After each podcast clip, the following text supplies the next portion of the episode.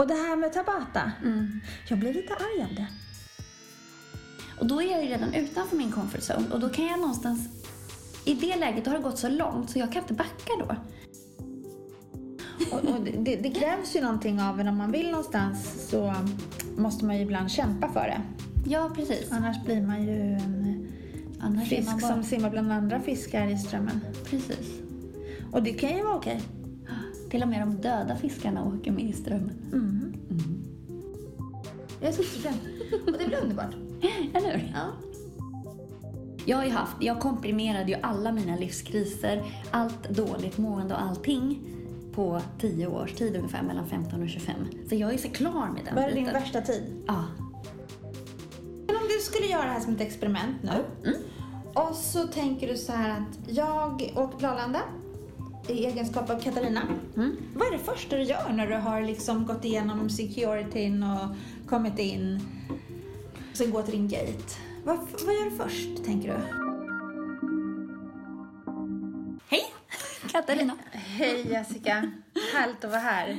Detsamma. Vet du vad som är mest härligt? Nej. Det är att du äter tårtan, det gör inte jag.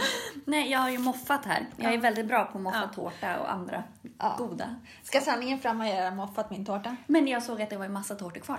Och i olika färger också. Det är Ja. taskigt för då måste man välja. Och så kanske man inte kan välja så måste man ta lite av varje och så blir, då sitter man ju där med skägget i brevlådan. Du tänker så? Jag tänker så här, det var ju prinsesstårta, då tar man ju en grön. För den är ju grön. Det gjorde jag också, så feg! Nej, jag kunde ha tagit en blå eller en rosa. Ja, det är något stört. Ja, det, uh, vad säger det om oss? Mer än du tror. Ja, jag tror det också. Jag tror att jag, vi kanske inte är så modiga som vi tror. Nej, nej, nej, nej. Alltså, man kan vara modig på många plan, men riska en tårta, det går bort. Får jag, det var lite vitt på min tårta också. Härligt. Just det. Bra, nej, det går ju också bort. Ja, nej, ursäkta att jag sitter här och smaskar. Ja, men det går så bra. Mm. Eh, det är ett nöje att se andra njuta. Mm, jag har pepparkakor och jag har... Eh, eh, är det paradis eller är det Aladdin? Det ljusa. Jag tror att det är paradis. Mm, jag gillar paradis bättre. Ja, jag gillar ju båda två. Gör du? Är du sån här som gillar den här körsbärslikören? Vet du vad? Jag gillar den inte, jag älskar den. Nej! Jo, jag har ju liksom gått runt i hela mitt liv, hela min uppväxt och sådär, tjoho, jag kan ta den där. Finns, det finns alltså kompisar. Det finns. riktiga människor som tycker om den? Ja, det är jag och en till. Mm. Eh, jag har träffat en till, Alexandra Kahn. Nej! Alltså två av mina bättre vänner gillar körsbärslikören. Ja, du ser. Gud, nu, nu ställdes hela min tillvaro på ända här. Ja, Så att det, det eh, kan jag ju dra upp i mitt lilla isberg som vi har gemensamt, att jag gillar körsbärsgodisen. Eh. Mm. ja. Ja, gud. Du, sist vi eh, pratades vid så, så satt vi hemma i ditt kök och det gör vi inte nu. Nej. Eh, Du sist på en ännu mer pikant plats. Ja, men det här är ett härligt, en härlig plats. Ett, eh, ett rum Mm. som är fint. Mm. Du, vad skulle jag säga? Du, sist vi, eh, vi satt ner och snackade så snackade vi om det här med träning. Ja, hur har det gått? Och då sa jag så här... Ja, du lovar massor. Jag, ja, jag vet. Jag lovade massor. Mm. Och jag hade ju tur i oturen, eller om jag hade otur i turen. Jag vet inte. Mm. Men jag, eh, jag drog ju på mig en sjukdom. Eh, Exakt, vad är det tursamma i detta? Hur, man- I Eh. vilket perspektiv man än ser det. Att, att nu är sjukdomen över. Ja, okej. Så nu behöver jag aldrig mer eh, opereras för just det. Men jag valde då att inte simma av olika anledningar. Ja, det förstår jag. Så att jag, eh, jag, eh, jag körde tabata Mm. och, eh, och eh, powerwalk. Mm. Hemma. Hur gick det då? Hemma vid. Du, det var så bra. Ja. Och det här med tabata. Mm. Jag blir lite arg av det. Ja, det kan man lätt bli av de här... För jag tycker, vad är det för idioti att jag ska hålla på med de här, de här sekunderna? Jag håll, nu håller jag på att dö. Nu dör jag lite till. Nu, nu är jag nästan död. Och nu eh, får jag vila. Och så får man vila en stund. Så bara, nu ska man på samma övning igen. Vet du vad det är? Det blir en stress i dig. Ja. Liksom. Alltså, alltså, högintensiv träning är ju ett stresspåslag. Så att när du gör den här träningen också så kommer du bli mer tolerant för stress. Du får tänka så. Ja. Att det handlar om att liksom, öka toleransen. Är det så jag ska sitta och tänka? Ja, för det kommer Istället för, ditt... jag ska byta ut tanken, istället för att dö, ska jag by- byta ut den mot eh, stressträning. Ja, precis. Så att Ja, du är kommer bra. inte bli lika stressig Nej. Mm. och eh, tvär i ditt privata liv. Nej, gud vad skönt för alla Du andra. hur? Förstå hur jag är som tränar högintensivt hela tiden. Ja, du är springer så snäll och gosig ja, jämt. ja, det, är, det är det jag säger. Kåt, glad och tacksam. Ja, Nej, absolut. Absolut. Det- är så man ska vara när man Ja, det är väl- som sämst. Någonstans dit man vill komma kanske. Ja, absolut. Eller jag vet inte. Jo, men det Nej, men alltså jag känner mig faktiskt stolt över att jag inte stoppade huvudet i sanden och Ja. blev en struts. Verkligen, det förstår jag. Eh, Faktum är att jag du blev nog mer än eh, något annat litet djur. En tvättbjörn. Nej, men jag tror att jag kanske blev lite sådär... Eh, jag blev som en kissemisse. Mm. Kompromissade med mig själv. Jag skulle ju kunna stoppa huvudet i sanden, men istället valde jag att... Eh, jag, jag stod upp för mig själv faktiskt, inför mig själv. Och det var bra gjort. Bra, du tog ansvar. Jag tog ansvar. Så det var bra. Det var bra. Och nu så... Nu har jag sett det här som att det blir en bra träningsform för mig. Så det har varit en bra vecka med andra ord. Jag är nöjd. Faktiskt. Själv, hur har din träning gått? Min träning går alltid väldigt bra. Ja. Eh, Det finns ju de här intressanta studierna som eh, visar på att eh, träningen ger olika resultat och går olika bra utifrån menscykeln Ja. för kvinnor. Och jag har valt att studera det lite närmare. Jag tycker faktiskt att det är faktiskt lite bättre i den första delen av cykeln. Jaha. Den andra delen är inte riktigt lika bra och den påverkar mig också lite negativt så psykiskt sådär. In- Alltså jag är absolut inte så att det märks men jag, det är lite, lite motigare, lite jobbigare. Så. Är det så? Ja, jag tycker det. Så, att det och, och så att nu är är ju de här två jobbiga veckorna över, man ska säga. Så att eh, nu är jag på väg in i de här två bra veckorna. Så att, eh, Men hur yttrar sig det? Blir du tvär? Blir du sur? Nej, nej, det märks inte liksom så. Däremot så känner jag så här, allting är samma vikt till exempel är så mycket jobbigare. Ja. Och sen så har jag ju lite lättare att bli lite mer nedstämd. Är det så? Ja. Okej, vad blir du nedstämd över då?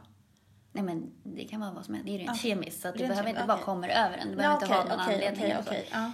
Ehm, Det i kombination med att jag ska ju ut och resa här snart. eh, Och eh, resa är väl inte min eh, favoritsysselsättning. Eller jag har inget emot att liksom komma till ett annat ställe. Eh, jag har heller inget, inget driv att komma till något annat ställe så. Så att jag har inget, jag har aldrig någonsin i mitt liv upplevt så här, gud jag vill komma bort. Nej. Däremot kan jag säga, gud jag vill åka skidor. Mm. Eller jag vill liksom göra så. Men jag, jag har aldrig känt så här, gud jag vill ut och resa. Eh, och ehm, jag tycker det här förflyttandet av kroppen. Eh, det har ju lite kanske, jag är, jag är introvert som person. Mm. Eh, det vill säga att man hämtar energi själv. Mm. Så. Eh, det har ingenting med hur social man är eller inte. utan mer hur man laddar. Men i alla fall, och då tydligen så läste jag någonstans att för introverta människor så är det här med, med resande och förflyttar av kroppen är jobbigare än för extroverta. Eh, så det kan ju vara därför också. Det är liksom inte bara ett, ett litet gupp för mig, utan det är liksom den här långa backen i det här vinterväglaget när det är lite halt så Vägverket har inte riktigt hunnit sanda och sådär så att man står och slirar i den här backen. Mm, så, så är det för dig. Du Så står slirandes och tänker att hjälp, nu ska jag iväg på en resa. Mm. Och det är ingenting jag ser, resandet i sig är ingenting du ser fram emot. Nej. Men sen när du väl har landat och kommit dit. Ja, men vet du, det överskuggas ju så brutalt av det det här, den här backen. Mm, det det, kommer bli jättebra. Eh, bra. Är det själva flygningen? ja, flygningen är också jätteläskig. Mm, så var börjar det läskiga? Det läskiga börjar i, i tanken. I tanken? är det tanken inför att åka till Arlanda? Nej, det är helt okej. Eh, eh, och eh, jag klarar hyfsat att sätta mig på ett plan. Har jag sällskap är det mycket, mycket bättre. Eh, nu ska jag flyga själv. Och också, jag är ju lite imbecill när det gäller att resa. Alltså, jag kan ju typ inte resa. Alltså, jag har ju typ aldrig rest själv. För jag har ju bara följt med alla andra. För då Så kan... nu ska du vara din egen reseledare och Ja. komma på vilken gate ska jag till? Ja, Vad heter flygning? ja, Vad heter Du förstår, jag kan ju komma bort och jag kan ju, ja, det kan ju hända vad som helst. Jag är lite rädd för att jag liksom så här kommer bort på ett bagageband eller något. Jag tänk om du skulle sätta dig och vila på ett bagageband. Och så åker jag iväg. Ja. Men det skulle väl vara lite härligt? Ja, eller hur? Så åker man runt, runt som i samma plan. Nej, nej Men men, var är det du ska åka Jessica? jag ska åka till Nya Zeeland. Eh, helt fantastiskt. Alltså, Ja. det, fa, alltså, det är så vacker natur Det där. är väl och Sagan om ringen-land? Ja, så fint. Alltså, det ska bli så roligt och jag är så tacksam att jag får följa med på det här och Så. Eh, men det, det här med resandet är jobbigt. Nu har jag världens finaste pojkvän. Eller får man säga, får man säga man istället, även fast man inte är gift? Ja, vet du vad? Det låter det, lite- det håller jag med om. Ja, det låter lite bättre. Eh, absolut. Han är ju mer en man än en pojke. Ja, precis. Men alltså han har curlat mig så enormt inför det här. Så att, eh, ja. Jag är bara tacksam. Det här kommer bli jättebra. Det är klart att det kommer. Och gud vad härligt för dig att åka iväg. Men då tänker jag så här. Vad är det som är din största farhåga i det där med resandet? Och dö. Du kan inte, det finns ju, det föreligger ju faktiskt en potentiell risk att man faktiskt dör. Det är det värsta som kan hända. Nu är inte den så stor, jag förstår det och jag förstår att allt är bara i, liksom, det här är inte rationella tankar jag har. Men i och med att det är ju faktiskt, har jag insett, lite av en fobi. Så är det ju lite svårare än att bara säga ja, ja. Jag är ganska bra på att prata mig själv till rätta ibland, eller oftast. Men, men just det här är, pendlar jag mellan ren panikångest och eh, när jag klarar och bara, det kommer bli bra. Det blir bra. Är det så? Men jag tänker så här, man kan ju, eh, jag kan starta någon form av mimteater på planet.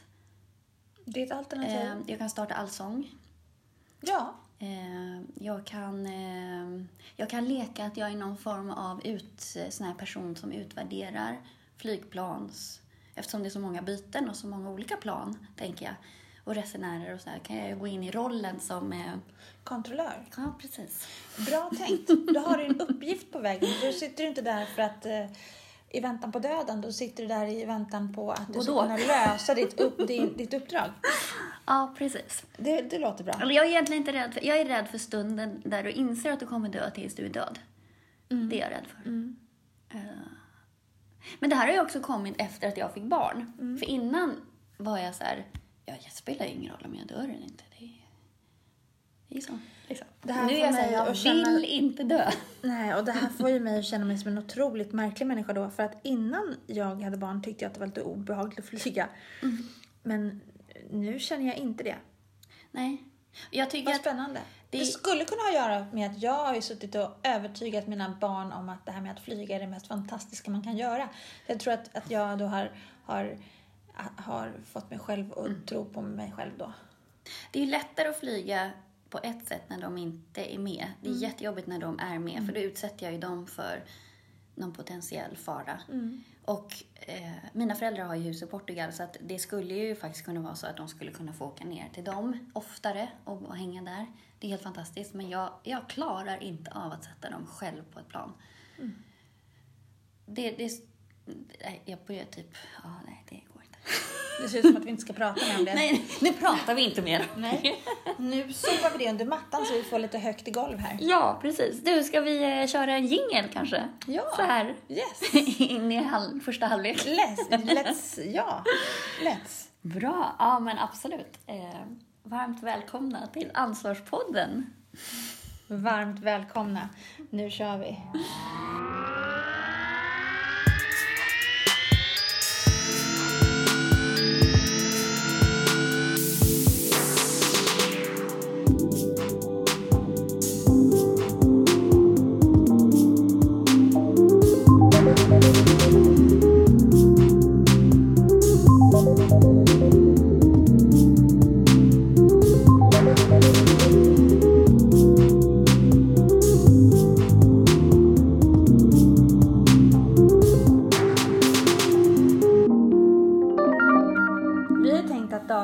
eh, avsnitt Mm. ska handla om det här med makt och maktutövning. Mm. Hur är det här med makt för dig? Vad är, Ja. ma- vad är makt för dig? Precis. Jag har en ganska positiv inställning till makt. Eh, jag ser det mer som så här, förmågan att påverka individer att förverkliga sig själva kanske. Så. Alltså utifrån, om man då tar min profession, Mm. så, ehm, så ser jag makt som en möjlighet att faktiskt hjälpa. Mm. Sen så finns det ju absolut eh, maktmissbruk Mm. eh, som man ser ganska mycket av just nu i vår världsordning. Mm. Eh, men jag tänker mer på makt. Jag, jag gillar ju en fransk filosof som heter Michel Foucault. Som, som pratar om det här med eh, maktbegreppet. Eh, han pratar också om det här med eh, en kamp mellan olika diskurser. Eh, och då med, med diskurs menar han de normer och värderingar som, som föreligger. Eh, lite samma som habitus, eller habitusbegreppet. Ehm, och ehm, att i makten så ligger det ju också ett ansvar. Så, alltså Ja, alla, absolut. man påverkar ju varandra och då har man ett ansvar i hur man påverkar. Mm, jag tänker att mitt habitus kanske påverkar hur jag väljer att agera i vissa situationer och Precis. hur jag väljer att hantera min makt. Ja, och det väljer ju också hur du värderar andra människor. Mm. Och också i, ett speciell, i, en, i en specifik diskurs till exempel. Om man tar, det är ju ganska aktuellt i institutioner, som man tar skola, fängelse, Mm. Sjukhus. Alltså, där det finns vissa regler hur man Mm. förhåller sig till varandra. Och då blir man också bedömd i eh, när man avviker Mm. och håller sig inom ramarna. Och där kommer ju också det här med, med bestraffningar in. Men jag tänker också om man, om man vinklar det till mig som person Mm. så tror jag att vi kanske, det här vet jag inte riktigt men jag tänker så, att vi, eh, vi beter oss på ett sätt eh, som utifrån det vi har, har lärt oss, det vi har med oss. Och sen kan jag ju förvalta det sättet jag har eh, genom att handla och agera. Precis. Eh, och då kan jag ju med hjälp av den inre rösten, Mm. den inre röstens makt över mitt agerande, Precis. eh, förutsatt att jag har psykisk hälsa, Mm. Precis. få mig att agera på ett bra sätt. Ja, Så att jag inte eh, använder min makt som ett vapen. precis. Och det där är också så, de här diskurserna kan ju skapa en otrolig förvirring i individen. När diskursen går i konflikt med vad jag känner. Och vad jag, när man då befinner sig i, eller då så här, i fel habitus. Om jag är en tränandes person och befinner mig i en tillvaro där träning ses ner på eller så. Då blir det ju en inre konflikt i mig som skapar oro. Ehm, Jag och- känner mig kanske inte kompetent i stunden. Just här i den här gruppen kanske vi inte... Här tränar man inte. Nej, Om jag då precis. kommer in som en tränandes person. Igen, vad skönt att få säga det. Om jag kommer in som en tränandes person. Men jag är det faktiskt.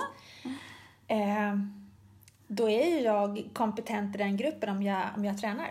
Precis, för att diskursen är egentligen då inte intresserad av individen. Utan Nej. den är ju bara intresserad av att vidmakthålla normerna och värderingarna i själva gruppen. För att, som det är i en skola, eller som det är i ett fängelse, eller som det är liksom, i stora grupper. För att hålla ordning på en stor grupp så kan ju inte folk avvika för mycket. Inte för mycket kanske. Och ehm, Jag då, tänker att eh, om jag gillar, Mm. eller om jag, om jag vet precis hur jag ska bete mig i en grupp, Mm. I ett, eh, som du säger, fängelse eller skola eller på en arbetsplats. Mm. Om jag gör det så känner jag att ah, nu uppfyller jag eh, kravet som ställs för att jag ska passa här. Mm. Och när jag märker att eh, de personer som är omkring mig och jag själv uppskattar det här beteendet, Mm. då tycker jag bättre om mig själv. Precis. Och då blir det skönare att vara jag. Makt, Men eh, om man känner att man måste vara den där personen då för att det förväntas av en fast man absolut inte Mm. eh, vill, då har du ju inte makt längre. nej, då blir man maktlös. Precis. Och den känslan är ju sällan fruktbar, tänker jag. Jag tänker att där tappar man ju kontrollen. Ja, och då, då tappar du också dig själv. Om man tappar viljan av att vara, tillhöra den där gruppen eller tillhöra det där forumet. Ja, men precis, för att vi blir ju till i mötet med andra. Mm. Eh, om inte det var Bubé som sa det, Martin Bubé. Ja, jag strunt samma. eh, Vi blir till, vi, vi är inte förrän vi möter en annan människa och blir speglad och bekräftad. Finns det ju då, eller anser ju han. Så att vi blir till först i mötet med andra människor. Eh, Ja, vi blir, blir publika då. Men jag tänker att jag är ju jag när jag är i min inre röst. För det är ju min inre röst Men som vet du vem du är då? Om du inte har fått någon feedback eller någon respons på... Eh, jag har ju, nej, jag tänker så här att man har ju en inre dialog. Mm. Eh, och då blir det en monolog. Så det blir en inre monolog. Mm. Är det bra eller dåligt? Behö ja, jag vet inte. Jag tänker att två hjärnor klokar, tänker Ja, men klokare jag än tänker en. det också, att man behöver ju bli, Ehm. det är det som är coolt, att liksom, man behöver ju bli ifrågasatt, man behöver bli Mm. knuffad. Det är som nu inför den här resan. Först så var det ju att vi skulle resa tillsammans. Mm. Sen så bara, kan du tänka dig att eh, åka ena vändan själv? Då bara, Lite svårt att andas, men absolut, jag är inte den som är den. Liksom. Jag, jag skärper mig. Jag, liksom, så här, det, det, det är lugnt. Sa du något om det då? Mm, ja, men då sa jag så här, det är lugnt, det, det är okej, så här, det är jobbigt, men det är okej. Liksom. Eh, och då har jag gått ett steg över förbi min comfort zone. Liksom. Och sen så kommer ju nästa så bara, du, eh, du kanske eh, behöver åka båda vändarna själv, är det lugnt? Och då är jag ju redan utanför min comfort zone och då kan jag någonstans, i det läget, då har det gått så långt så jag kan inte backa då. Så då blir det ju att jag bara, Nej men okej, det är okej. Och du vet när man, när, när man går så långt så att till slut bara blir, säger man ja till allt. För att man är bara så här, då har man stoppat huvudet i sanden liksom. Ja men det är lugnt. Där. Det är lite så, som när en alkoholist dricker. Ja. Att, Så eh, man börjar ska förneka, det här är så ja. jobbigt så att jag bara förnekar allting. Det- Och sen så kommer ytterligare så bara, du kan du tänka dig att köra i Nya Zeeland? Det är ju vänstertrafik. Inga problem. Nej precis, jag bara, jag kan ja. backa mig genom landet. Ja, självklart. Absolut. Jag säger ja till allt. Ehm, så att just det där, men hade alla de här parametrarna lagts fram på en gång, då hade jag ju bara, nej men alltså vet det här är för mycket, jag pallar inte. Men Mm. Vad i och hade att- hänt om du hade sagt nej? Det här känner jag inte att jag vill. Ehm, ja men jag, jag vill, jag vill, det har kommit i små doser och då har jag ändå känt att det är överkomligt. Men hade allt kommit på en gång, då hade jag insett... Så du har vant dig vid tanken? Ja, precis. Och det tror jag är bra. Det är ju det, för jag är ju lite också sån så här, om jag får välja mellan att stå kvar och hoppa, då mår jag ju ändå aldrig bättre när jag hoppar. Jag har, får ju lite ångest när jag står kvar. Även om jag har ångest inför att hoppa, så vet jag ju att jag mår alltid bättre av att ha hoppat. Så att, Så du vet att när väl erfarenheten säger dig kanske att när du har gjort det här så vet du att det kommer ha gått väldigt bra. ja. Och du kommer att vara väldigt stolt över att du gjorde det. Ja, men jag har ju växt som person. Och så tänker jag också så här, det här är ju att ta ansvar. Det handlar ju bara om att ta ansvar för vad jag känner. Om jag sparkar bakut och tvärvägrar, då är det ju liksom lilla barnet i mig som sätter sig på golvet och skriker. Det är inte att ta ansvar. Nej. Nej, det är väl inte att ta Att ansvar. jag vill ju bli vuxen. Ja, precis. och, och det, det krävs ju någonting av en om man vill någonstans så måste man ju ibland kämpa för det. Ja, precis. Annars blir man ju en Annars fisk bara... som simmar bland andra fiskar i strömmen. Precis. Och det kan ju vara okej. Till och med de döda fiskarna åker med i strömmen. Verkligen. Men jag tänker också på det här med, med, med makt och ansvar och så. Eh, jag läste en bok av Henrik Fexeus för hundra år sedan. Så. Och han han eh, pratar ju också om det här att liksom, vi har ett ansvar att faktiskt få andra att må bra. Att hur jag beter mig när jag kommer in i ett rum. Jag har ju makt så fort jag interagerar med andra människor. Och hur jag beter mig där och då kommer ju påverka hur de mår och hur de vad de får för energi och känslor och så. Vi vet ju aldrig hur andra... Alla har ju sitt lilla isberg. Vi vet ju aldrig hur, hur någon annan upplever situationen eller stunden. Precis. Eh, vi kan bara anta. Precis.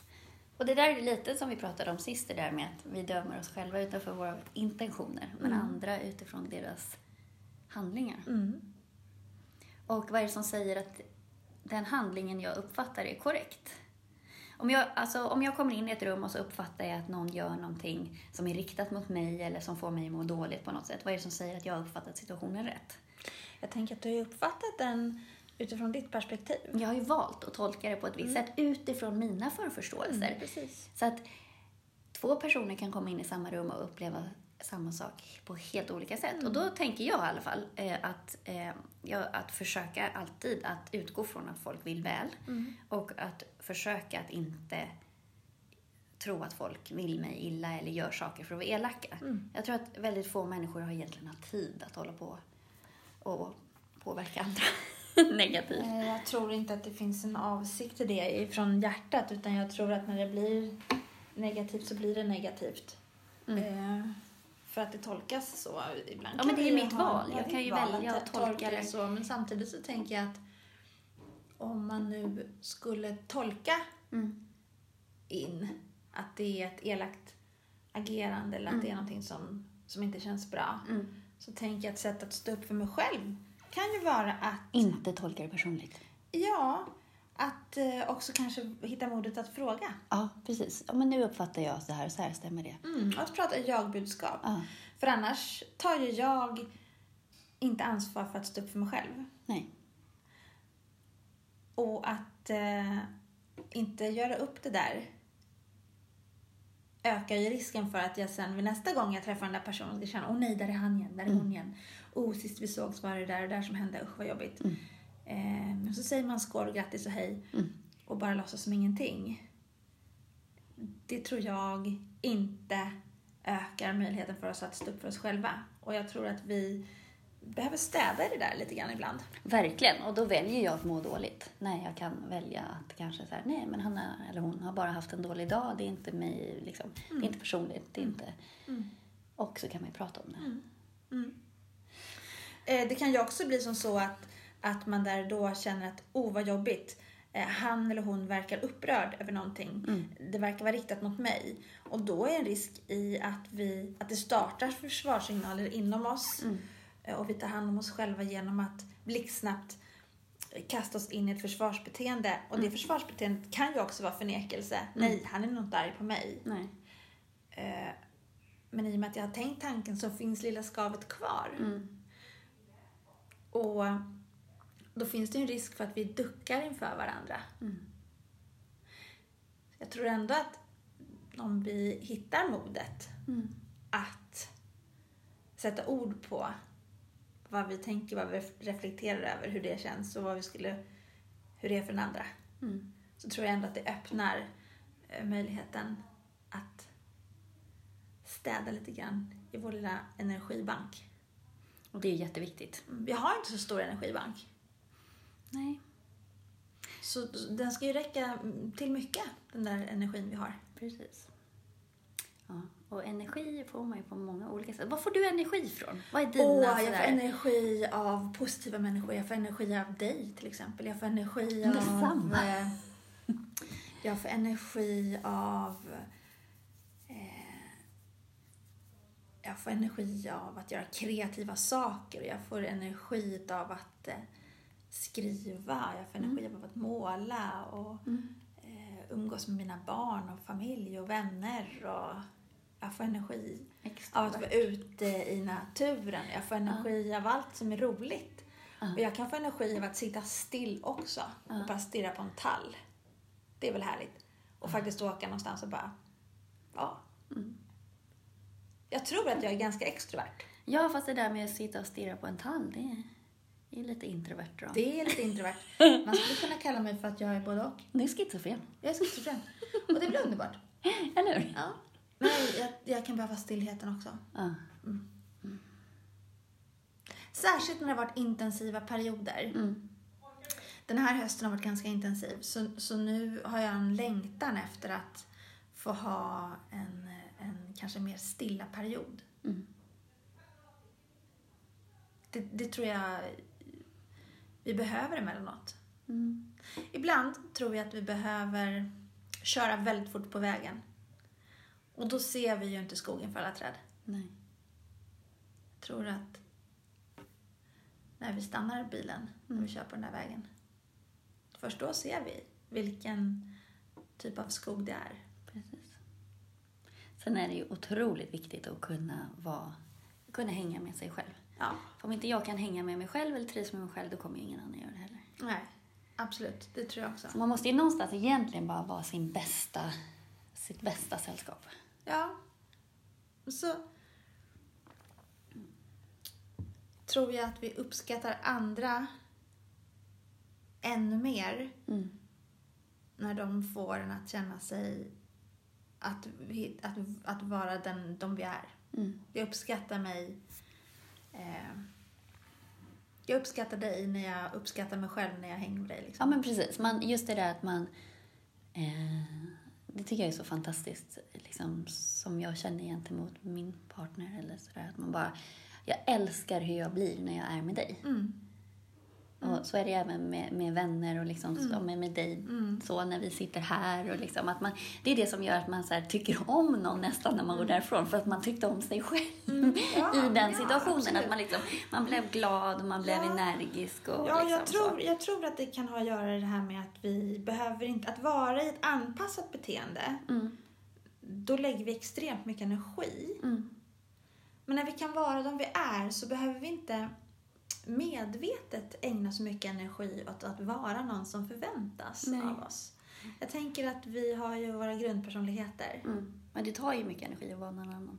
Ja, precis. Och jag tänker att mm, att, att vi har olika delar inom oss Mm, som vi använder på olika sätt. mm, Och när jag tvingas eh, anpassa mig för att eh, liksom passa in mm, i samarbetet med andra i allt för stor grad, Mm. då går jag emot mig själv.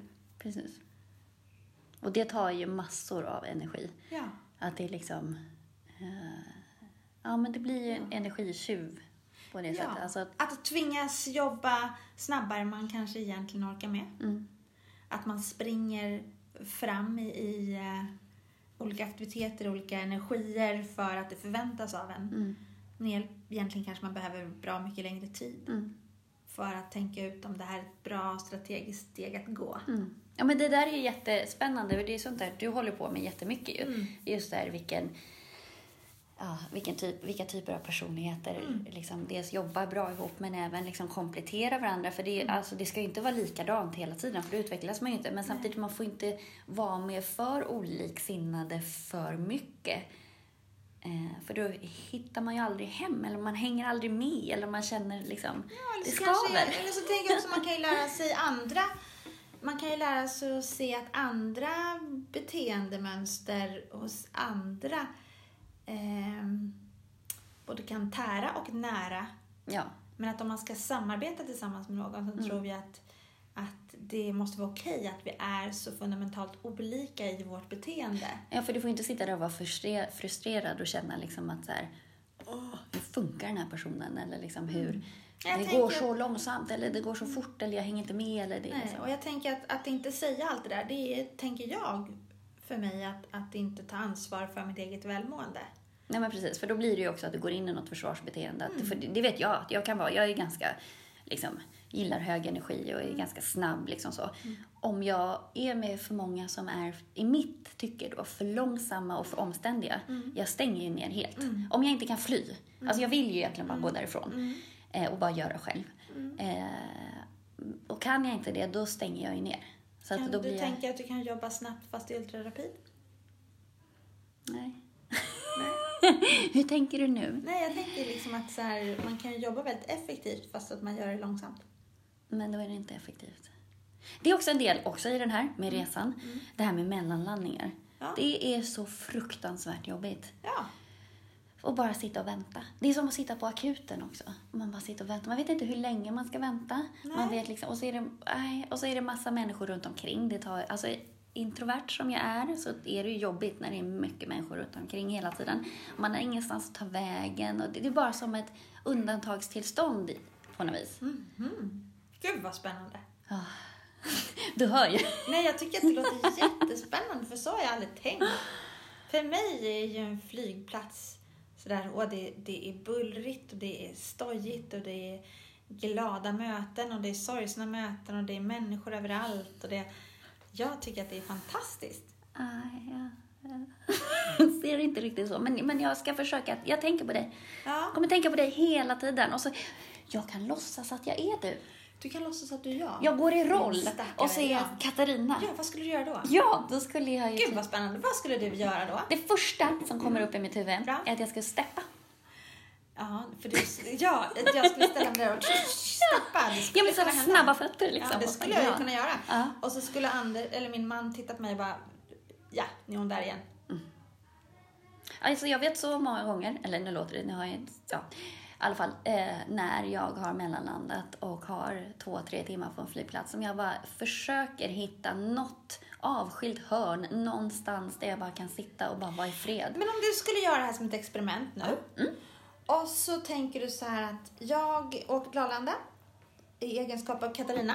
Mm. Vad är det första du gör när du har liksom gått igenom securityn och kommit in och sen går till din gate?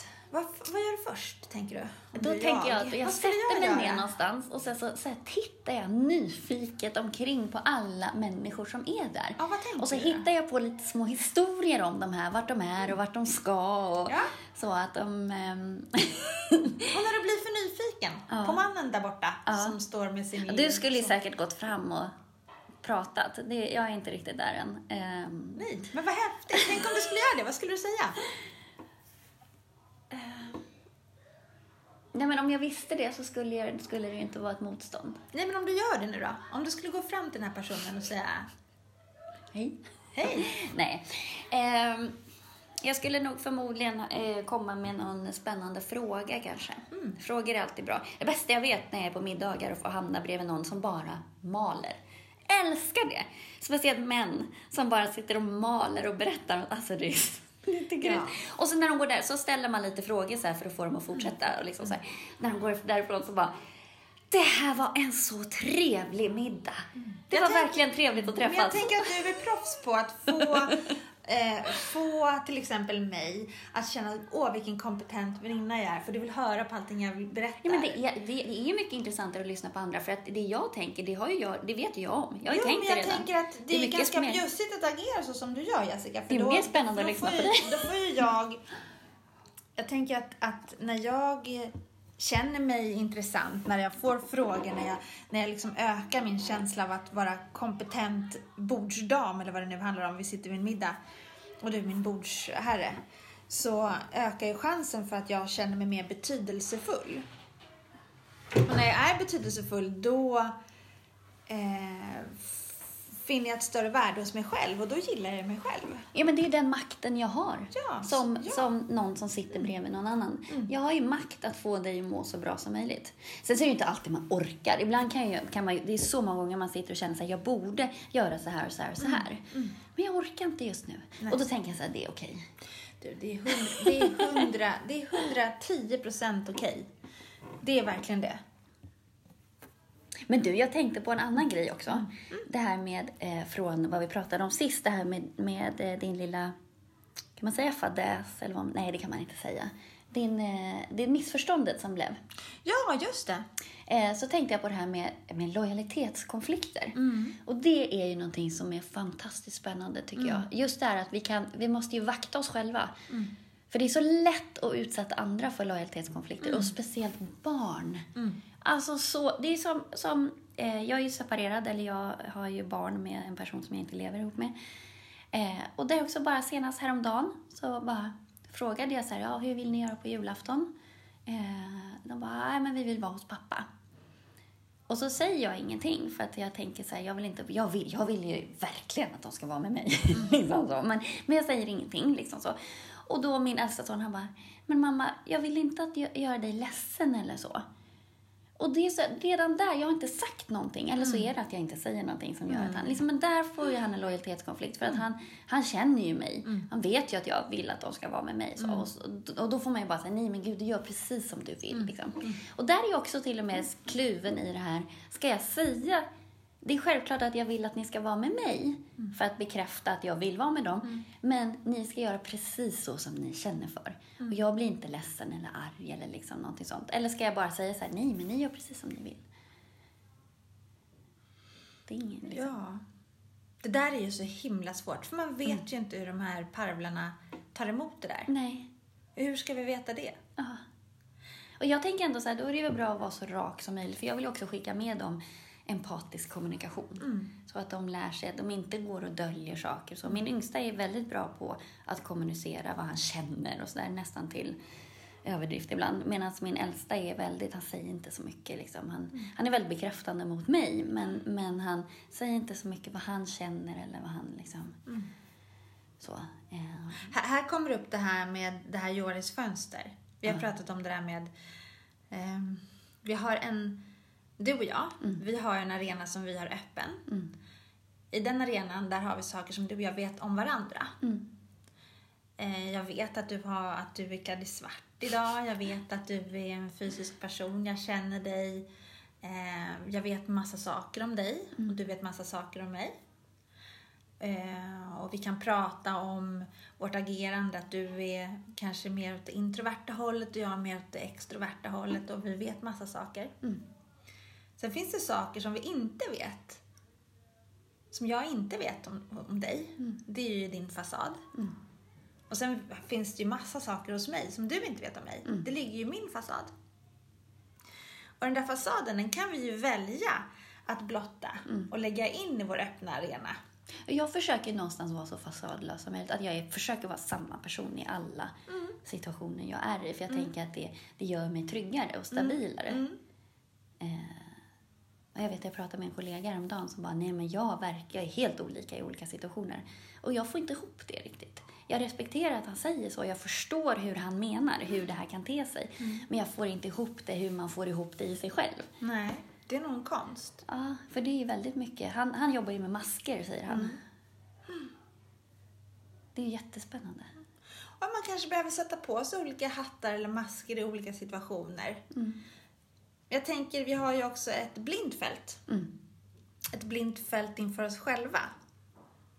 Där du vet massa saker om mig som jag inte vet. Döda vinkeln. Den döda vinkeln, exakt. Jag ser liksom inte vad som kommer riktigt.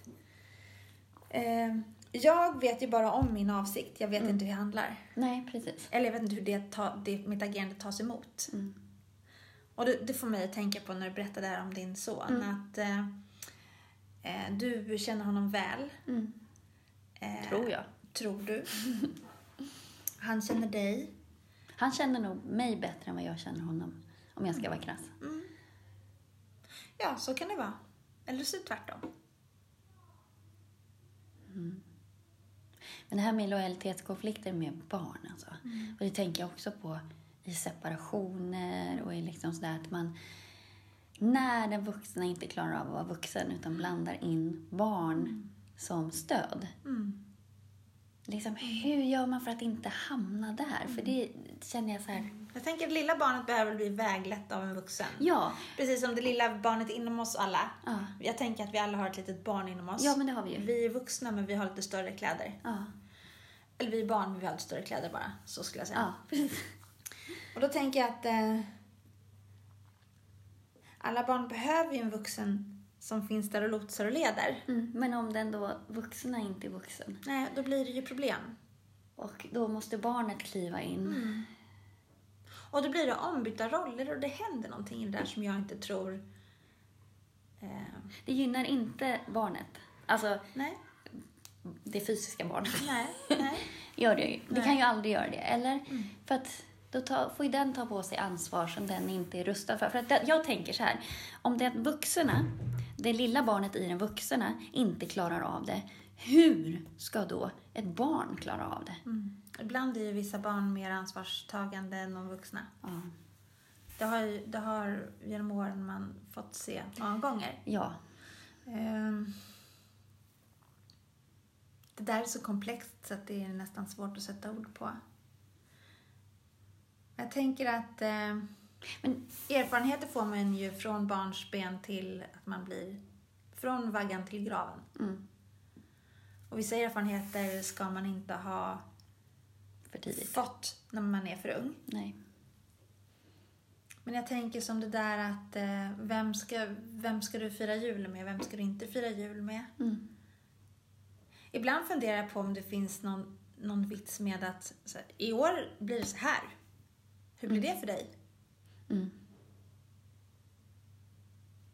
Att man har gjort valet åt dem. Och sen frågar hur blir det för dig? Ja, för vi har ju alltid gjort så att de är med mig på morgonen Mm. och sen så är de med sin pappa på dagen och sen så kommer de eventuellt tillbaka. Mm. Lite beroende på hur deras kusiner gör. Mm. Eh, de är med mig mer om, om kusinerna då på min sida är Mm. med. Eh, annars så är de ju med, eh, för de har kusiner på andra sidan också, Mm. de vill ju vara där det finns andra barn. Ja, det är klart. Och nu var ju tanken att jag skulle vara borta över julafton Mm. så jag skulle inte ens vara hemma. Så att det här var ju lite så här, oj, men nu är jag ju hemma, hur vill ni göra då? Mm. Och då känner jag, jag har ju ingen rätt. Jag har ju sagt att jag inte ska vara hemma och de är inställda på att vara hos sin pappa. Mm. Och eh, deras pappa är ju inställd på att vara med dem. Mm. Så jag har ju ingen rätt att överhuvudtaget på något sätt Mm. kräva att så här, nu är jag hemma så nu vill jag. Det har jag ju Mm. inte. För jag har ju redan avsagt mig. Sen så kan man ju liksom så där lägga in ett, önskemål så. Och då tänker jag i det läget, när jag kommer lite från, från underjorden. Från döda vinkeln. Ja, då kan man ju, då, då känner jag så här, då, det måste ju få vara upp till dem då. För att då har jag stökat om redan i deras... Ja, för liksom. nu var det ju redan bestämt Ja, hur det skulle vara. Och då ville du egentligen bara kolla, är, är, är det bestämt eller ska vi ombestämma? Ja. Eh, Och då var de trygga i det där att ja men vi kör så här nu. ja, precis. Och så kommer du och frågar, eller? Inte okej. Känner jag nu. Ja, det var dumt av mig. Det var inte så. Nej men vad händer då? Men de är och för sig, deras tillvaro är väldigt mycket så att de får bestämma väldigt mycket vad det gäller i alla fall deras tillvaro och var de vill vara någonstans och var de vill sova och var de vill liksom. Mm. Så. Hur blir det? Ehm, de vet ju inte så mycket annat. Mm. Ehm, Hur skulle det bli om, de, om, du bestäm, om ni bestämde åt dem? jag vet inte. Men det, det kräver ju att alla inblandade parter är eh, är bestämda. Ska säga. Nu är det ju lite så här, det för- förutsättningarna förändras ju lite ibland. Mm. Och då blir det väldigt svårt. Ja. Eh, och då blir de är ju oftast, så är de ju, eh, i alla fall sover med hos mig. Mm. Så. Eh, och så att det är ju det också de har blivit vana vid. Mm. Eh, och det är ju så. Mm. Men det är klart att man, det är klart man kan, barn är jätteflexibla och, och man kan ändra saker och sådär. Men det kräver ju att alla involverade vuxna också vet vad de vill och vad de förmår och sådär. Mm. Eh, så att eh, det är svårt. Klart barn är flexibla, de har ju inte så mycket val än Nej. att vara flexibla. Nej, precis. Och ibland kan det vara skönt att inte vara flexibel. Mm. Ibland kan det vara skönt att någon kommer och bara säger även till mig som vuxen att Mm. Katarina, gör så här. Ja. Eller hur blir det för dig? Ja, det är det Ja. jag känner är skönt när man reser. Det är jätteskönt att bara Jag följa tycker att livet med. är en resa. Ja, Det är skönt att ha en reseledare. fast jag är i för sig i, min, i mitt liv, alltså jag blir tokig om någon säger till mig vad jag ska göra. Mm. Jag är ju ganska dålig faktiskt på Men- mm. tvåsamhet och så på det sättet. Jag vill ju göra det jag vill göra. Alltså, jag är ganska flexibel på vissa grejer. Eh, eller så. Men det jag verkligen vill göra, det är inte förhandlingsbart. Faktiskt. Mm. Nej, det är bra att du, star- att du då är du ju fast besluten i det och känner dig stark i det. Jag, jag tycker att det är fantastiskt. Jag tycker att jag fattar ganska många beslut dagligen, hela tiden. Mm. Man ska göra ditt och datt, man ska göra val, man ska bestämma, man ska göra, fatta beslut. Så jag kan tycka att det är underbart när, eh, jag tänker privat, Ja, när, någon, Men, ja. när till exempel min man säger så, du Katarina, jag tänkte att vi ska göra så här. Mm. Eh, och målar upp en bild av hur det där Mm. ska vara. Mm. Om vi kanske ska resa någonstans eller Mm. göra någonting särskilt. Är jag i en låg energizon, Mm. då uppskattar jag det enormt. Mm. Jag uppskattar, så curlad Mm. som jag är inför den här resan. Alltså det är nästan skrattretande. Men alltså, det, alltså på riktigt. Alltså. ja, min man är ju världens, världens bästa. Alltså han har hanterat mig helt rätt i det här och liksom får ju ändå mig att bara slappna av lite och vara lite lugn och så. Men så här curlad, man ska inte vara så här curlad som vuxen. Det, är ju, det, jag är ju, det här är ett område som är som en verkligen svart svart hål för mig. Jag är så imbecill i det här området. Så att det, det, det är bra. Men då Jag- växer du ju allt starkare. Ja, jag ska lära mig. Jag ska bli vuxen i att resa också faktiskt. Det ska jag bli. Ja, herregud. Men där, just då när jag är lite... men ibland tänker jag att det är bra att göra sånt. För att, att, att man tänker att jag... Ibland är det bra att vara lite mer försiktig. Jag hade en period i, i mitt liv när jag inte riktigt visste vad jag ville göra. Mm.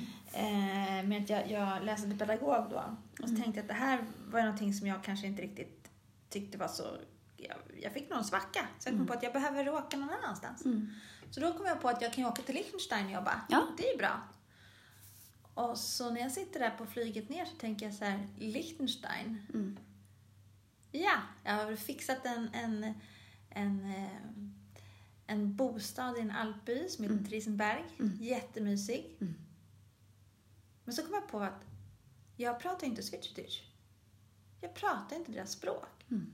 Hur ska jag förhålla mig där? Och då tänkte jag så här, tänk vad modiga personer som bor i Sverige. Mm.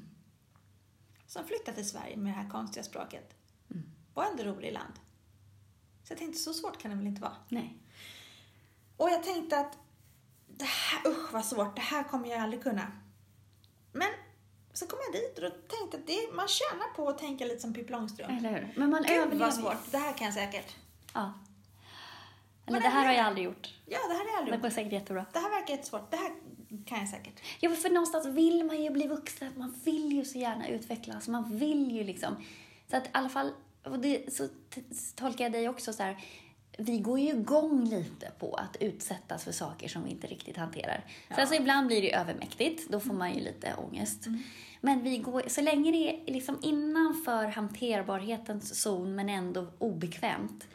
Det triggas ju vi lite av, känns det som. Ja, alltså om man bara är i comfort zone hela tiden så tror jag att det blir ju lite mellanmjölk, livet. Och det behöver inte vara något fel med det. Det, det kan ju passa väldigt för många. Mig, för mig passar mellanmjölk superbra i perioder. Mm. Men man vill ju lite mer. I perioder. Du ställde en jättebra fråga till mig för ett tag sedan. Så här. Du, det här med D-vitamin. Ja. Ja, herregud, det här med D-vitamin. Hjälper att jag proppar i med dubbeldos? Ja, men jag tänker det. För D-vitamin påverkar ju sinnesstämningar. Alltså, eh, det påverkar ju de liksom, signalsubstanser och sånt som, som gör oss deprimerade, kort sagt. Och också hur det här med riskbenägenhet lite grann. Eh, så jag tänker att eh, om man har brist på D-vitamin, nu hårdrar jag det jättemycket, så kanske man inte vågar hoppa lika ofta. Nu blev det alldeles tyst. Och så tänkte jag så här, undrar vad maxdosen är? Ja, det ja eh, D-vitamin lagras ju i fett. Är fettlöslig eh, eh, vitamin. Så att eh, du kan ju potentiellt få Så ju en... tjockare jag är, desto mer D-vitamin kan jag lagra. Det är ju asbra. Nej, men du kan potentiellt få en överdos. Men de är så otroligt höga och för oss i Sverige på den här, i den här årstiden. Ja. Alltså, Minimal risk va? Jag skulle nästan våga säga det. Ja. Eh, men eh, D-vitamin är ju liksom eh, påverkar ju cellerna direkt. Och påverkar ju autoimmunitet till exempel. Man kan ju också se att så här, sköldkörtelproblem är ofta relaterat till, till D-vitaminbrist. Det finns ju en sjukdom som heter Hashimotos som är sköldkörtel eh, defekt eller man ska säga. Det är som en, en kronisk inflammation som Oj. gör att sköldkörtelns eh, kapacitet försämras. Oj, Och det är alltid, vad jag har förstått, eh, relaterat till D-vitaminbrist. oj, oj. Mm. Och sköldkörteln har ju att göra med ämnesomsättningen. och Så, så, att, ja. så att har man liksom eh, lite problem med eh, metabol hälsa och hjärt och kärlsjukdomar och infektioner och sånt där så kan ju D-vitamin vara Metabolhälsa. Ja, metabol hälsa. Alltså eh, ämnesomsättning. Ja, ja, ja, ja, ja, eh, okej. Så Mm, övervikt eller mm, liksom mm. så. Ehm, så D-vitamin är ju verkligen någonting som vi ska titta på. Och det är också kopplat till, det finns ju forskning som visar att, att det är kopplat till ADHD och koncentrationssvårigheter och, och kognitiv hälsa också. Mhm. Så att det är ganska, det är nästan, i vissa eh, artiklar eller böcker eller sådär så, så räknar man nästan D-vitamin som ett hormon. Det är ju inte det, men man, för att det är så viktigt. Det har sån direkt effekt på oss i kroppen. Gud, und- har du någonsin kollat upp ditt D-vitamin? Jag äter D-vitamin. Jo, men jag tänker halten liksom så att du vet hur den ligger. Jag har aldrig kollat upp det. Nej, det har inte jag gjort heller. Då ska vi i sådana fall ska man ju kolla upp det på Alltså, ta ett blodprov. ja, och inte gå till husläkaren utan kanske då mer till sådana labb, alltså typ VR-labb eller liksom så. Som, som vet, för att det du får hos husläkaren är så otroligt högt spann på vad som är inom ramen för okej och inte. Och i det nedersta måttet så är Alltså om man tittar på rekommenderat dagligt intag, det är ju bara det minsta du ska ha för att överleva. Typ. Alltså man tittar på överlevnad, man tittar inte på att vara optimal. Vi vill ju optimera oss så mycket som möjligt. Och de doserna är generellt sett mycket, mycket högre. Eh, så att eh, just D-vitamin kan man ju faktiskt överdosera ganska mycket om man tittar på förpackningen. Eh, Jag undrar vad som händer om man får för mycket D-vitamin. Ja, eller dagliga dosen eh, rekommenderas det 4 000 internationella- internationella enheter. Eh, det är 100 mikrogram. Eh, men man kan ta mer än det. Det är först vid 10 000 internationella, internationella enheter som under en längre tid per dag då, som, som eh, kan skapa överdoser. Och det som händer då vid en överdos är att eh, du kan få förhöjda kalciumnivåer i blodet och kalcium har ju den effekten att den eh, stramar åt muskler och eh, mjuk vävnad eller vad man ska säga. Till skillnad från magnesium då som är avslappnande och så. Eh, så att eh, kalcium och magnesium är lite motpoler mot varandra. Det här får mig att tänka på att jag, jag, jag är sån här som jag gillar inte piller. Nej, Jag har ju en bild av att jag kan ju äta mig till Absolut. allting istället. Alltså i föd, föda. Ja, ja. Istället för att piller, knapra piller. För det här med piller känns för mig så, då är man ju sjuk i Ja. min värld. Ehm, Jag är ju väldigt dålig. Jag kommer ihåg när jag var liten fick jag alltid såna C-vitaminpiller och en, ja, jag vet inte vad de där pillerna hette. Mm. Men sen, sen, sen Men har du brist så kan det ibland vara svårt att äta sig till om du tar järn till exempel. Ja, det är jag jättesvårt. tänker det. Jag så haft- ibland är det ja. ju befogat Ja. att ta piller. Ja, Men om du vill äta dig till D-vitamin Mm. så ska du ju hålla dig till liksom fet fisk, Mm. eh, smör, grädde, äggula, eh, inälvsmat. Bra. Eh, och sen så sol. Men Mm. i och med att vi inte har sol nu det här halvåret. Okej, då kan man välja inälvsmat eller sol. Ja, eller lax. Lax blir det då. Jag väljer Med lax. smör och jag väljer grädde. smör och grädde och lilla äppelbiten. Tänk så gott det smakar när är så liten. Ehm, Men ehm, ja, det samverkar med magnesium och K2 för eh, ämnesomsättning och så. Och inlagrar ju då kalcium, så att får du för höga niv- nivåer av D-vitamin så inlagrar du ju mer kalcium. Vilket eh, stelnar till kärlen och muskler och så. Men då om du äter magnesium så... Vet du, det gjorde jag en period. Ja. Faktiskt. Men sen kom jag på, så, vad äter jag det här för? Jag märker ingen skillnad. Så slutade jag med det. Mm. Men jag, nu, jag får väl i mig magnesium på något sätt, tänker jag. På Magnesium påverkar ju sömn och sådär också. Ja, men jag sover som en bebis. Ja, men det är bra. men då också, eh, magnesium är ju då motpolen till kalcium. Och magnesium är också sån här, eh, kan man se vissa studier som visar att det har, hänger ihop lite grann med depression och, Mhm. Ja, just det. och stress. Mm, Så att, eh, ja. Och D-vitamin också är, påverkar insulinkänsligheten. Mhm. Det är jättebra. Eller alltså så, om man är inte... Ha lite koll på det. Så Ja. att, eh, och kanske för diabetiker kanske men det är extra viktigt att ha koll på sin D-vitaminnivå. Ja, ja. Kan det vara så? Jag har ingen kan aning. Det lät rimligt. Eller för att, eller för att inte utveckla diabetes Mm. så är ju D-vitamin då, eh, påverkar ju känsligheten för insulin. Så att absolut, det är ju en liten bifaktor. Mm. Det är ett väldigt spännande, spännande vitamin. Faktiskt. Tänk att jag är så fascinerad. Du kan så väldigt mycket om olika vitaminer och mineraler och, och, och hormon och sådär. Jag är faktiskt ganska ovetande om det där. Jag tänker ju så här, jag gillar ju det här med tanken på att optimera sig själv. Alltså varför må dåligt om man inte behöver det? Jag har ju haft, jag komprimerade ju alla mina livskriser, allt dåligt mående och allting på 10 års tid ungefär, mellan 15 och 25. Så jag är så klar med den Vad är din värsta tid? Ja. Nej men alltså jag har mått så dåligt och haft som liksom så, så att jag, jag tänker inte må dåligt mer. Du är färdig med att Jag är må dåligt. färdig med att må ja. dåligt. Jag kommer inte ha några mer livskriser eller någonting. Jag fyller ju 40 snart. Mm. Har inte ett, spår av 40-årskris. Jag ser väldigt mycket fram emot att fylla 40. Mm. Jag känner att jag är klar med det där. Jag, jag rev av allting där på en tioårsperiod sen. Ja, vad spännande. För mig har det nog mer varit att jag, jag har liksom smetat ut det som på en hårdbrödmacka. Jag har så här smetat ut, ut det lite grann över livet lite nu och där. Ja, Jag jobbar på att få svart bälte i lycka. Mm, svart bälte lycka, men det är ett bra målsättning tycker jag. Lycka kan ju vara så väldigt mycket. Men jag tror ändå att man måste ta eget ansvar Ja, för att verkligen. skapa lycka. Ja, men för det känner jag, det är min väg till lycka. Mm. Är att konkretisera och sätta ord på mina känslor och ta ansvar för dem. Det tror jag är klokt. Det är mitt liksom, recept. Sen kan vissa faktorer göra att vi upplever olycka och stor sorg. Mm, men där kan man också välja hur vi hanterar det. Ja, jag tänker att man kan skapa meningsfullhet även i det mest mörka. Och det låter ju ganska sådär, men lägg av, man kan väl få vara ledsen ibland. Absolut. Absolut. Men ta, då får man ta ansvar. Då väljer man ju det. Nu väljer jag att vara ledsen i det här. tänker också att om man aldrig får vara riktigt, riktigt ledsen Men då blir man ju aldrig glad. nej, då vet man inte, uppskattar man ju inte glädje. Och det tror jag, man ska vara så tacksam i livet och man ska uppskatta alla fina små saker som, det låter jätteklyschigt nu, jag vet det. Men bara det här liksom att man, liksom, det finns så mycket i ens vardag hela tiden som, med saker som man kan vara tacksam för. Och det kan vara små saker och det kan vara stora saker som att för mig, liksom, att jag har två fantastiska barn. Jag har världens mest fantastiska partner och man. Och liksom.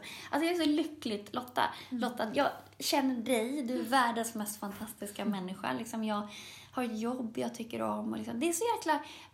Det är bra, liksom. Det, är, det är så bra. Och bara det att man inte behöver vakna upp på morgonen i ett krig. Eller man vaknar på morgonen. Det är ju helt fantastiskt att man vaknar på morgonen. Och att man liksom, folk runt omkring en, ens nära och kära mår bra och ingen är allvarligt sjuk. Och liksom, det finns så mycket att vara tacksam för, faktiskt. Men jag tänker också när man har varit, som du berättar, under tio års tid, kanske haft lite mörkare än ljusare. Om jag säger så här, jag har spenderat eh, den, min tid med mina demoner. Och du har liksom gjort upp med dem. Ja, ja. Vi är kompisar nu. Jag bjuder över dem på fika ibland. För jag, jag tror att de måste få finnas där. Jag kan, inte, jag kan inte köra Det är en iväg del dem. av dig. Ja, de måste få tillräckligt med spelrum för att tro att de är med och bestämmer. Älskar skendemokrati. Annars, annars tar de ju över helt, annars gör de ju revolution. Men om de får ha liksom några platser i riksdagen och tro att de är med och bestämmer, då håller de sig i schack. Jag tänker det är en smart strategi att använda. Att eh, allt får finnas. Det mörka och det ljusa, men det är ju trevligt om det ljusa tar större plats. Ja, och fokusera på det ljusa, tänker jag. Och tänker jag liksom också det här liksom, bara... Har du läst något av Kai Pollak? Mm. Ah, älskar Kai Pollak. men det är faktiskt så här, nu vet jag vissa spyr på det liksom så, men bara faktiskt bara att välja glädje, välja att må bra. Man kommer så mycket längre då. Och ibland kan det vara skitskönt att bara få välja att deppa ihop. Ja, men då, då tar jag ansvar för det. Ja, Nu mår jag dåligt och det är Ja, ja. vid. ja precis. Ja. Gud vad härligt det var att sitta ner och, och, och prata med dig Ja. idag. Tårtan är nästan slut. Pepparkakorna var jättegoda. Ja. Vet du, jag är så Du har sparat till gröna Ja, men jag är, inte, jag är inte någon marsipanmänniska. Är, Är du det? Ja, jag är ju född till marsipan. Äh, tack det är bra. Alltså, jag får ju... Mina barn är ju marsipangrisar. Alltså. Ja. Så att det brukar gå jämnt. Alltså, till jul brukade min mamma köpa hem en sån här marsipan, eller kanske var mandelmassa... Mandelmäsenäse. En sån här stor. Och då brukade jag bjuda hem mina kompisar så lekte vi hund ibland. Och då så eh, la vi upp det där i skålar och käka. Oj, Ja, härligt. ja. Så gjorde hundmat av det för att, att, att det är klart hundarna måste ha marsipan, sa vi. Och så käkade vi. Klart hunden Sen ska ha mådde vi så marsipan. dåligt. Klart hunden ska ha marsipan. Ja, klart. Tål, nej, tål, hundar tål inte choklad. Eh, nej, nej, åh min Scott, han är ju inte här idag. Nej, han är inte Vet du vad han gjorde förra veckan? Han är ju helt galen. Eh, min man och barn hade varit borta och han var hemma en stund själv. Uh-oh. Och eh, så hade han varit inne i, eh, på vårt kontor där vi har en garderob och där inne hade jag hängt en kasse med choklad som min dotter säljer för sitt lag. Och jag vet inte hur den här lilla kraken har fått ner den här påsen. Men när eh, min man kommer hem så är det som att han, Scott kommer fram och säger Hej, hej, vad kul att ni är hemma! Kom, följ med mig ska ni få se vad jag har gjort. Titta! Han var så stolt.